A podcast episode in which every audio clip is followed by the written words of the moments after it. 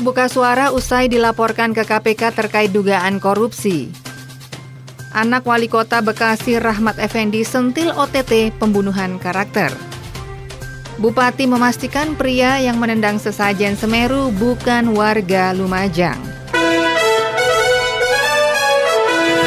Dari kawasan Jalan Jagalan 36 Yogyakarta, segera Anda ikuti Detak deretan Warta Aktual Reco Buntung 99,4 FM.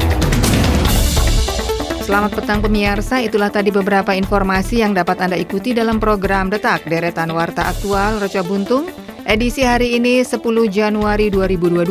Saya Asik Eka Dewi, segera kita menuju informasi pertama. Detak, deretan Warta Aktual Reco Buntung. Dari CNN Indonesia, Komisaris Utama PT Pertamina Basuki Cahaya Purnama alias Ahok memberikan respon terhadap laporan dugaan korupsi yang dilayangkan oleh Poros Nasional Pemberantasan Korupsi atau PNPK ke Komisi Pemberantasan Korupsi. Ahok sebelumnya dilaporkan PNPK ke KPK terkait sejumlah kasus dugaan korupsi saat masih menjadi sebagai Gubernur DKI Jakarta. Dua di antaranya mengenai Rumah Sakit Sumber Waras dan Lahan Cengkareng. Menurut Ahok, kasus tersebut sudah pernah diperiksa.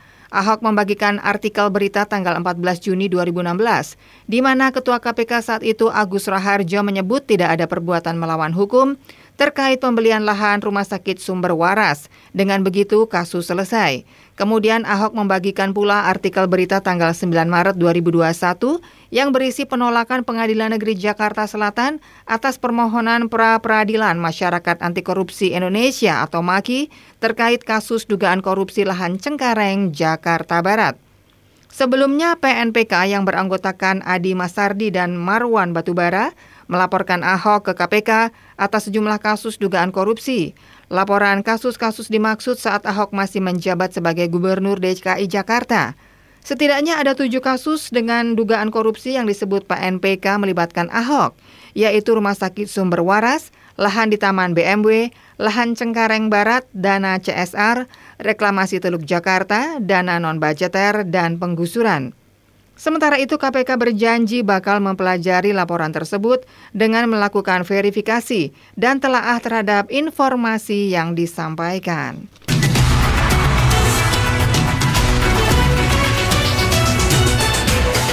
Pemirsa Putri Wali Kota Bekasi Rahmat Effendi Ade Puspitasari menduga penangkapan yang dilakukan KPK terhadap ayahnya bermuatan politis. Tudingan ini lalu dijawab tegas oleh Ketua KPK Firly Bahuri. Dalam penggalan video yang tersebar di media sosial, Ade menilai penangkapan ayahnya tidak memenuhi unsur tangkap tangan atau OTT, sebab tidak ada transaksi yang dilakukan saat penangkapan berlangsung. Merespon hal tersebut, Firly menjelaskan OTT terhadap Rahmat Effendi tidak berdasarkan opini dan kepentingan politik. Ia menjamin bahwa KPK tidak akan terlibat dalam aksi politik apa pun. Firly memastikan KPK selalu bersikap independen dan tidak terpengaruh oleh siapa pun dalam melaksanakan kerja-kerja penegakan hukum, termasuk pemerintah sekalipun. Kolega Firly Nurul Gufron mengatakan tudingan OTT Rahmat Effendi tidak sesuai prosedur dan bermuatan politis adalah hal yang lumrah dan dapat dipahami karena berasal dari putrinya. Ia menilai hal tersebut merupakan bentuk pembelaan sang anak terhadap ayahnya. Meski demikian, Gufron menegaskan seluruh kegiatan penegakan hukum oleh KPK selalu berlandaskan fakta dan dasar hukum. KPK tidak akan mungkin melakukan OTT apabila tidak memiliki bukti permulaan yang cukup. Pemirsa, kita hentikan sejenak detak reca buntung untuk kita ikuti kumandang adzan maghrib untuk daerah istimewa Yogyakarta dan sekitarnya.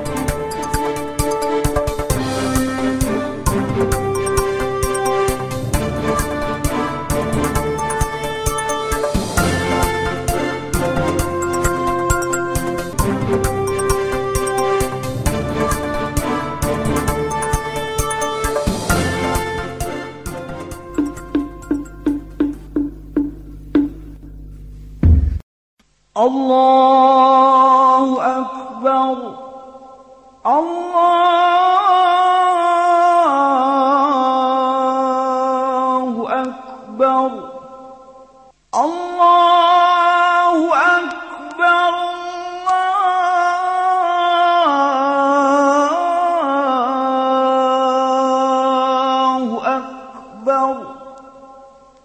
أشهد أن لا إله إلا الله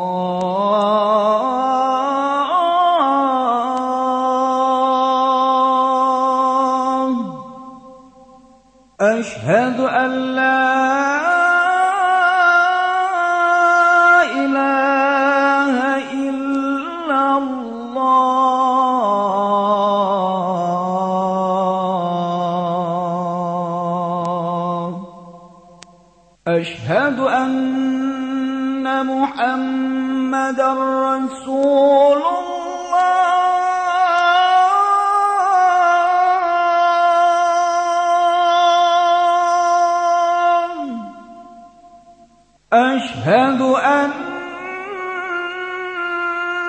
محمد رسول الله.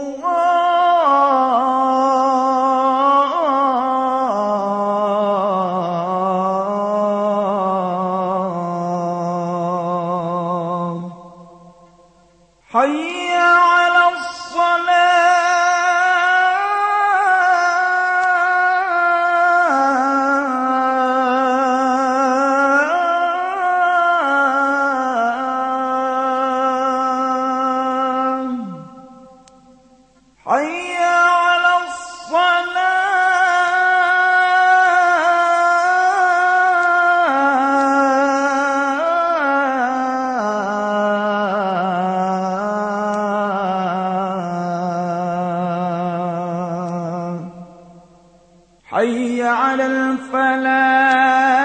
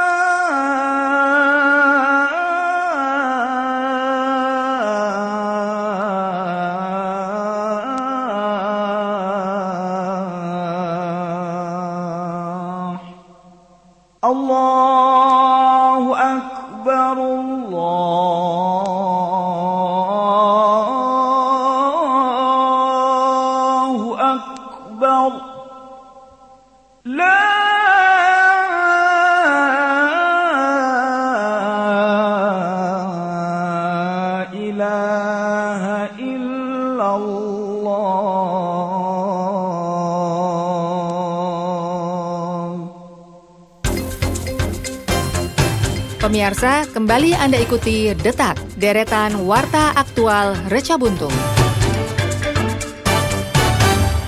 Pemirsa dari CNN Indonesia, Bupati Lumajang Torikul Haq memastikan bahwa pria yang viral melakukan aksi membuang dan menendang sesajen di lokasi terdampak erupsi Semeru bukanlah warga Lumajang. Ia menduga pria yang menendang sesajen Semeru itu datang dari luar daerah dan kemudian menjadi bagian dari relawan di lokasi terdampak erupsi Semeru. Torik pun mengaku kecewa dengan aksi pria tersebut. Menurutnya hal itu telah melanggar norma kehidupan masyarakat sekitar yang selama ini berdampingan dalam perbedaan.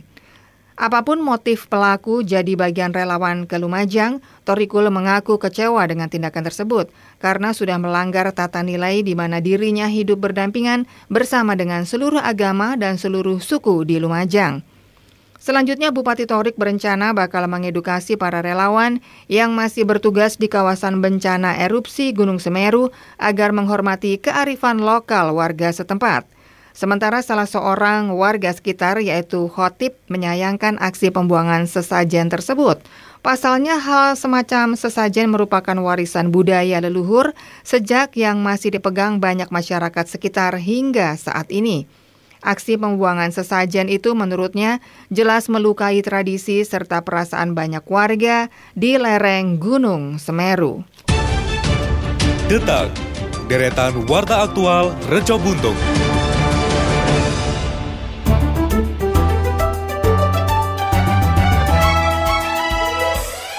Baik pemirsa, masih Anda ikuti Detak, deretan Warta Aktual Reca Buntung bersama saya Asik Eka Dewi. Segera akan hadir rekan-rekan reporter yang akan menyampaikan beberapa berita daerah di segmen Jogja Selintas. Baik, terima kasih rekan Asik Eka Dewi. Pemirsa Jogja selintas, kita awali dari Sleman. Peristiwa warga mencegat dan menangkap rombongan remaja di Jalan Damai Sleman beredar viral di media sosial. Warga mencegat dan mengamankan dua orang anggota rombongan remaja yang melintas di kawasan tersebut. Pasalnya, warga sempat curiga dan menduga anak-anak remaja tersebut hendak melakukan aksi kejahatan jalanan alias kelitih. Peristiwa tersebut terjadi pada Sabtu 8 Januari sore hari sekitar pukul 15 lebih 30 waktu Indonesia Barat. Dijelaskan oleh salah seorang saksi warga bernama Tri, dua anak yang ditangkap oleh para pengemudi ojek online atau ojol yang sedang mangkal di kawasan tersebut. Warga setempat yang menyaksikan peristiwa tersebut juga ikut mengamankan kedua remaja itu. Lebih lanjut, anak-anak tersebut kemudian diamankan di salah satu halaman ruko namun menurutnya warga tidak menghajar dan hanya menanyakan apa yang dilakukan anak-anak di sore hari berbarengan. Dua anak tersebut juga sempat berusaha untuk kabur dari masa yang mulai berkumpul. Warga pun kian banyak yang berkumpul di area tersebut lantaran warga menduga dua anak yang tertangkap ini hendak melakukan kelitih. Sayangnya rombongan yang di depan tidak kembali menyelamatkan dua anak tersebut, hanya ada beberapa yang kembali. Ditanya apakah dua anak yang ditangkap membawa senjata tajam atau tidak, Tri mengungkapkan mereka ternyata tidak membawa senjata tajam. Setelah penangkapan, warga segera menelpon atau memberitahu pihak Polsek Ngagli untuk ditindaklanjuti. Kanit Reskrim Polsek Ngagli AKP Budi Karyanto menceritakan pada mulanya ada rombongan remaja yang setelah melakukan futsal melintas di jalan damai tersebut. Dua orang di antara rombongan tersebut berhenti untuk membeli minuman di salah satu swalayan. Terdapat empat remaja yang diamankan. Mereka rata-rata masih duduk di bangku kelas 2 sekolah menengah pertama. Kita beralih ke Kulon Progo. Pemirsa, seorang pria berinisial B di Kabupaten Kulon Progo yang berprofesi sebagai dukun dilaporkan ke kepolisian resor atau Polres setempat lantaran telah mencabuli anak di bawah umur. Adapun korban berinisial A 15 tahun berasal dari Magelang, Jawa Tengah. Kasih Humas Polres Kulon Progo Ibtu Inenga Jeffrey menjelaskan kasus tersebut bermula ketika ibu korban K berniat untuk mengobati anaknya yang sedang sakit. Dia dikenalkan oleh temannya kepada pelaku yang mengaku sebagai dukun dan bisa mengobati berbagai macam penyakit. Selanjutnya korban dan pelaku dipertemukan. Menurut pengakuan pelaku, korban terkena guna-guna. Selanjutnya, korban menjalani pengobatan di rumah pelaku yang berlokasi di Sentolo, Kulon Progo. Saat di rumah pelaku, korban diobati dengan cara dimandikan hingga melakukan hubungan layaknya suami istri. Dijelaskan oleh Geoffrey, kejadian tersebut telah dilakukan tiga kali pada Agustus tahun lalu. Aksi keji itu berlanjut di September 2021. Korban yang sedang disekolahkan di sebuah pondok pesantren di Sentolo, Kabupaten Kulon Progo, dijemput oleh pelaku dan diajak ke rumahnya. Di rumah pelaku, korban diminta untuk minum satu buah pil berwarna kuning hingga tak sadarkan diri. Keesokan harinya setelah korban terbangun, oleh pelaku diminta untuk mandi dan diantarkan kembali ke pondok pesantren. Di tengah perjalanan menuju pondok pesantren, pelaku mengancam korban agar tidak menceritakan kejadian tersebut kepada siapa pun. Namun korban akhirnya menceritakan kepada seorang ibu rumah tangga di Sentolo dan disampaikan kepada orang tua korban. Setelah itu, pada Jumat 7 Januari 2022, S yang merupakan ayah korban melaporkan kejadian tersebut ke Polres Kulon Progo untuk penyelidikan lebih lanjut. Demikian pemirsa informasi dari Sleman dan Kulon Progo, sumber berita dari Tribun Jogja.com. Kita beralih ke berita dari Kota Yogyakarta bersama rekan dari Pradita. Silakan dari. Baik, terima kasih Meda Mara. Pendengar Pemkot Yogyakarta melalui Dinas Sosial Tenaga Kerja dan Transmigrasi atau Dinsos Nakertran akan menyelenggarakan pelatihan produktivitas tenaga kerja dan pembinaan lembaga pelatihan kerja pada tahun 2022. Direncanakan pelatihan terbagi dalam 12 jenis keterampilan dengan menyasar total 260 orang peserta. Selain itu juga akan dilaksanakan program magang untuk 50 orang peserta. Kepala Bidang Pengembangan Tenaga Kerja dan Transmigrasi Dinsos Nakertran Kota Jogja Erna Nurstianise menyatakan bahwa kebutuhan akan tenaga kerja yang terampil, produktif, dan sesuai standar kompetensi industri atau perusahaan semakin meningkat. Oleh karenanya, untuk meningkatkan kualitas dan kompetensi tenaga kerja, perlu diberikan pelatihan dan pemagangan bagi calon tenaga kerja yang ada di kota Yogyakarta. Erna juga menyatakan bahwa tujuan dari pelatihan untuk memberikan bekal keterampilan bagi pencari kerja masyarakat kota Yogyakarta sehingga mempunyai keterampilan untuk bekal bekerja atau berwirausaha. Selain itu, Dinsos Naker Trans juga memiliki program kegiatan pembinaan LPK agar LPK di Kota Yogyakarta memiliki dan memenuhi standar kompetensi yang dibutuhkan sebagai penyelenggara pelatihan. Di sisi lain, Fendi Widianto, Subkoordinator Kelompok Substansi Pelatihan dan Produktivitas Tenaga Kerja, Bidang Pengembangan Tenaga Kerja dan Transmigrasi Dinsos Naketran menjelaskan bahwa di tahun 2022 program pelatihan yang diadakan di antaranya pelatihan Satpam untuk 20 orang, pelatihan setir mobil dan SIM A untuk 40 orang terbagi dalam dua angkatan, pelatihan tata rias kecantikan 20 orang, pelatihan menjahit dasar 20 orang, pelatihan menjahit terampil 20 orang, pelatihan komputer 20 orang, pelatihan barista 20 orang, pelatihan EO 20 orang, pelatihan sosial media marketing 20 orang, pelatihan membatik 20 orang, kemudian pelatihan cake and pastry 20 orang, dan pelatihan web program 20 orang. Bagi warga kota Yogyakarta yang akan mengikuti pelatihan tersebut, harus memenuhi persyaratan antara lain KTP Kota Yogyakarta dengan usia 18 hingga 50 tahun, memiliki kartu pencari kerja atau AK1, ijazah terakhir, pas foto 3x4 berwarna, dan sertifikat keterampilan untuk peserta pelatihan lanjutan. Sedangkan untuk pelatihan satpam ada kriteria khusus yakni KTP Kota Yogyakarta dengan usia maksimal 35 tahun, tinggi badan laki-laki 165 cm dan putri 160 cm. Pendidikan minimal SMA atau SMK, tidak berkacamata, tidak bertindik, tidak cacat fisik atau bertato, dan sudah melakukan vaksin sebanyak dua kali. Selanjutnya bagi masyarakat yang tertarik dapat lebih lanjut mendapatkan informasinya melalui Jogja Smart Service atau JSS.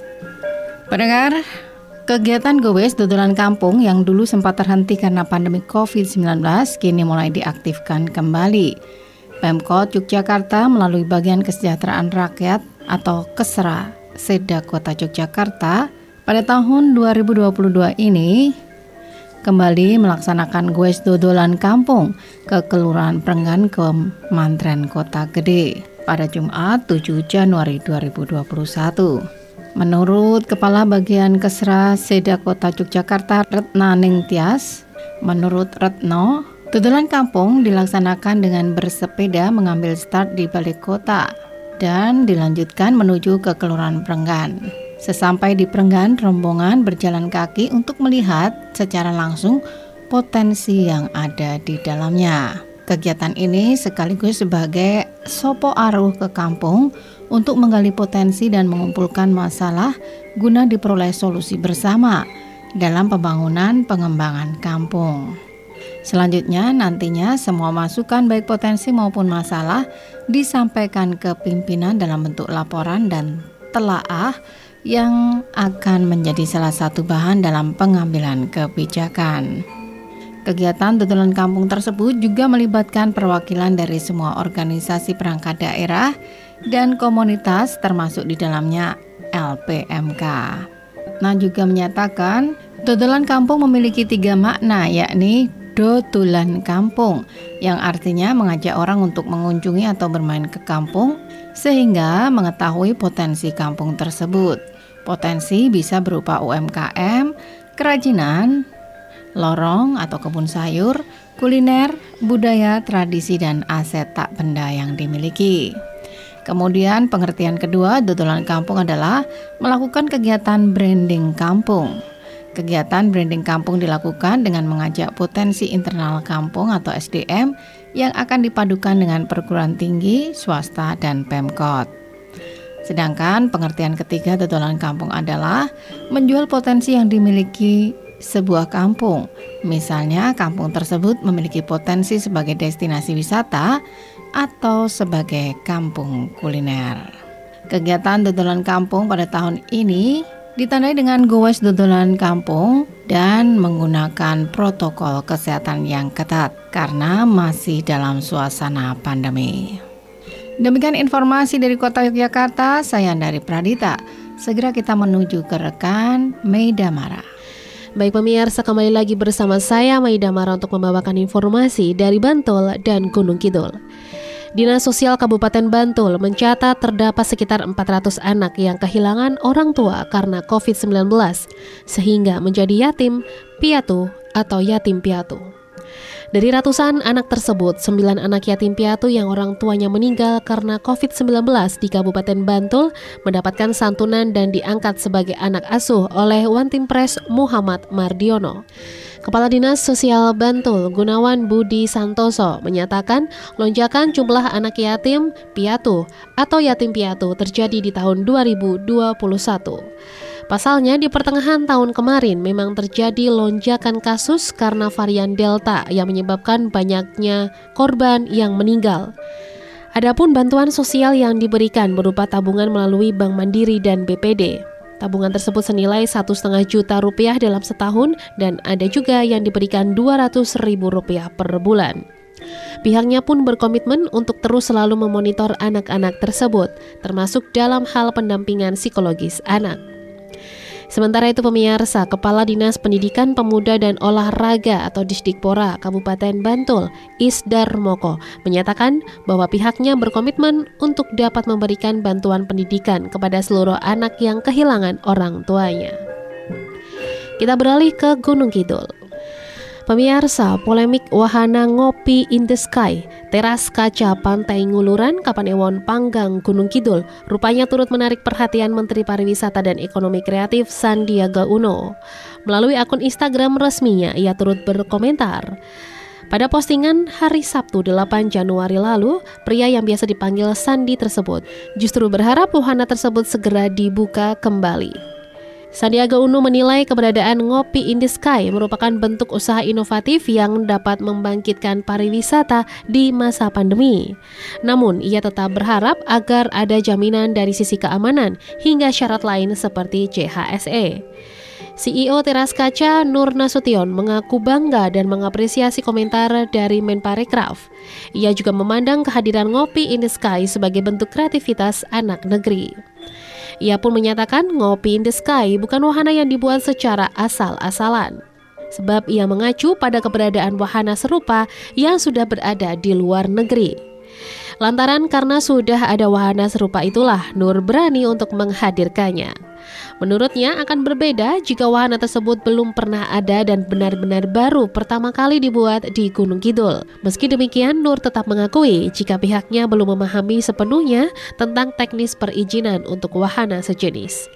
Adapun hingga kini perizinannya masih diproses agar sesuai dengan ketentuan. Ia pun berharap dengan adanya komentar dari Sandiaga Uno, polemik ngopi in the sky bisa segera berakhir. Baik pemirsa demikian informasi dari Bantul dan Gunung Kidul, sumber berita dari Tribun Jogja.com. Dan kita kembali ke rekan Asik Eka Dewi untuk membawakan informasi terakhir. Terima kasih untuk rekan-rekan reporter yang sudah mengabarkan informasi di segmen Jogja Selintas. Dan pemirsa, sekarang kita sampai ke informasi yang terakhir. Detak, deretan Warta Aktual Reco Buntung. Pemirsa maraknya skuter listrik yang disewakan di kawasan Malioboro mendapatkan sorotan dari pemerintah kota Yogyakarta. Fenomena tersebut dianggap membahayakan karena penyewa menungganginya hingga ke jalanan di sekitar pusat perekonomian kota. Wali Kota Yogyakarta Haryadi Suyuti menandaskan, skuter listrik yang kini sangat digandrungi wisatawan itu masuk dalam kategori unstable vehicle. Alhasil sejatinya tidak semua orang mendapatkan izin untuk mengendarainya, terutama di jalanan yang syarat kendaraan bermotor. Karena itu akan mengganggu pengguna jalan lain, semisal jika menginjak gasnya salah atau mengerem secara mendadak, pasti sangat berbahaya. Demikian dikatakan Haryadi. Sehingga sepanjang Januari ini pihaknya bersama aparat kepolisian pun siap menempuh penertiban bagi penyedia jasa skuter listrik. Sebab ia menilai kontrol mereka terhadap penyewa cenderung kurang, sehingga skuter listrik saat ini bertebaran di luar Malioboro. Benar saja berdasarkan pengamatan Tribun Jogja.com beberapa waktu lalu, penyewa skuter listrik tampak melaju santai di jalanan sekitar Malioboro mulai dari Jalan Senopati, Jalan Kahadahlan sampai dengan Jalan Pangurakan. Pemkot sudah mengkoordinasikan baik dengan kepolisian ataupun Satpol PP untuk menertibkan otopet-otopet listrik tersebut. Pihaknya berharap siapa pun jangan latah karena unstable vehicle seperti itu hanya boleh digunakan di kawasan tertentu saja.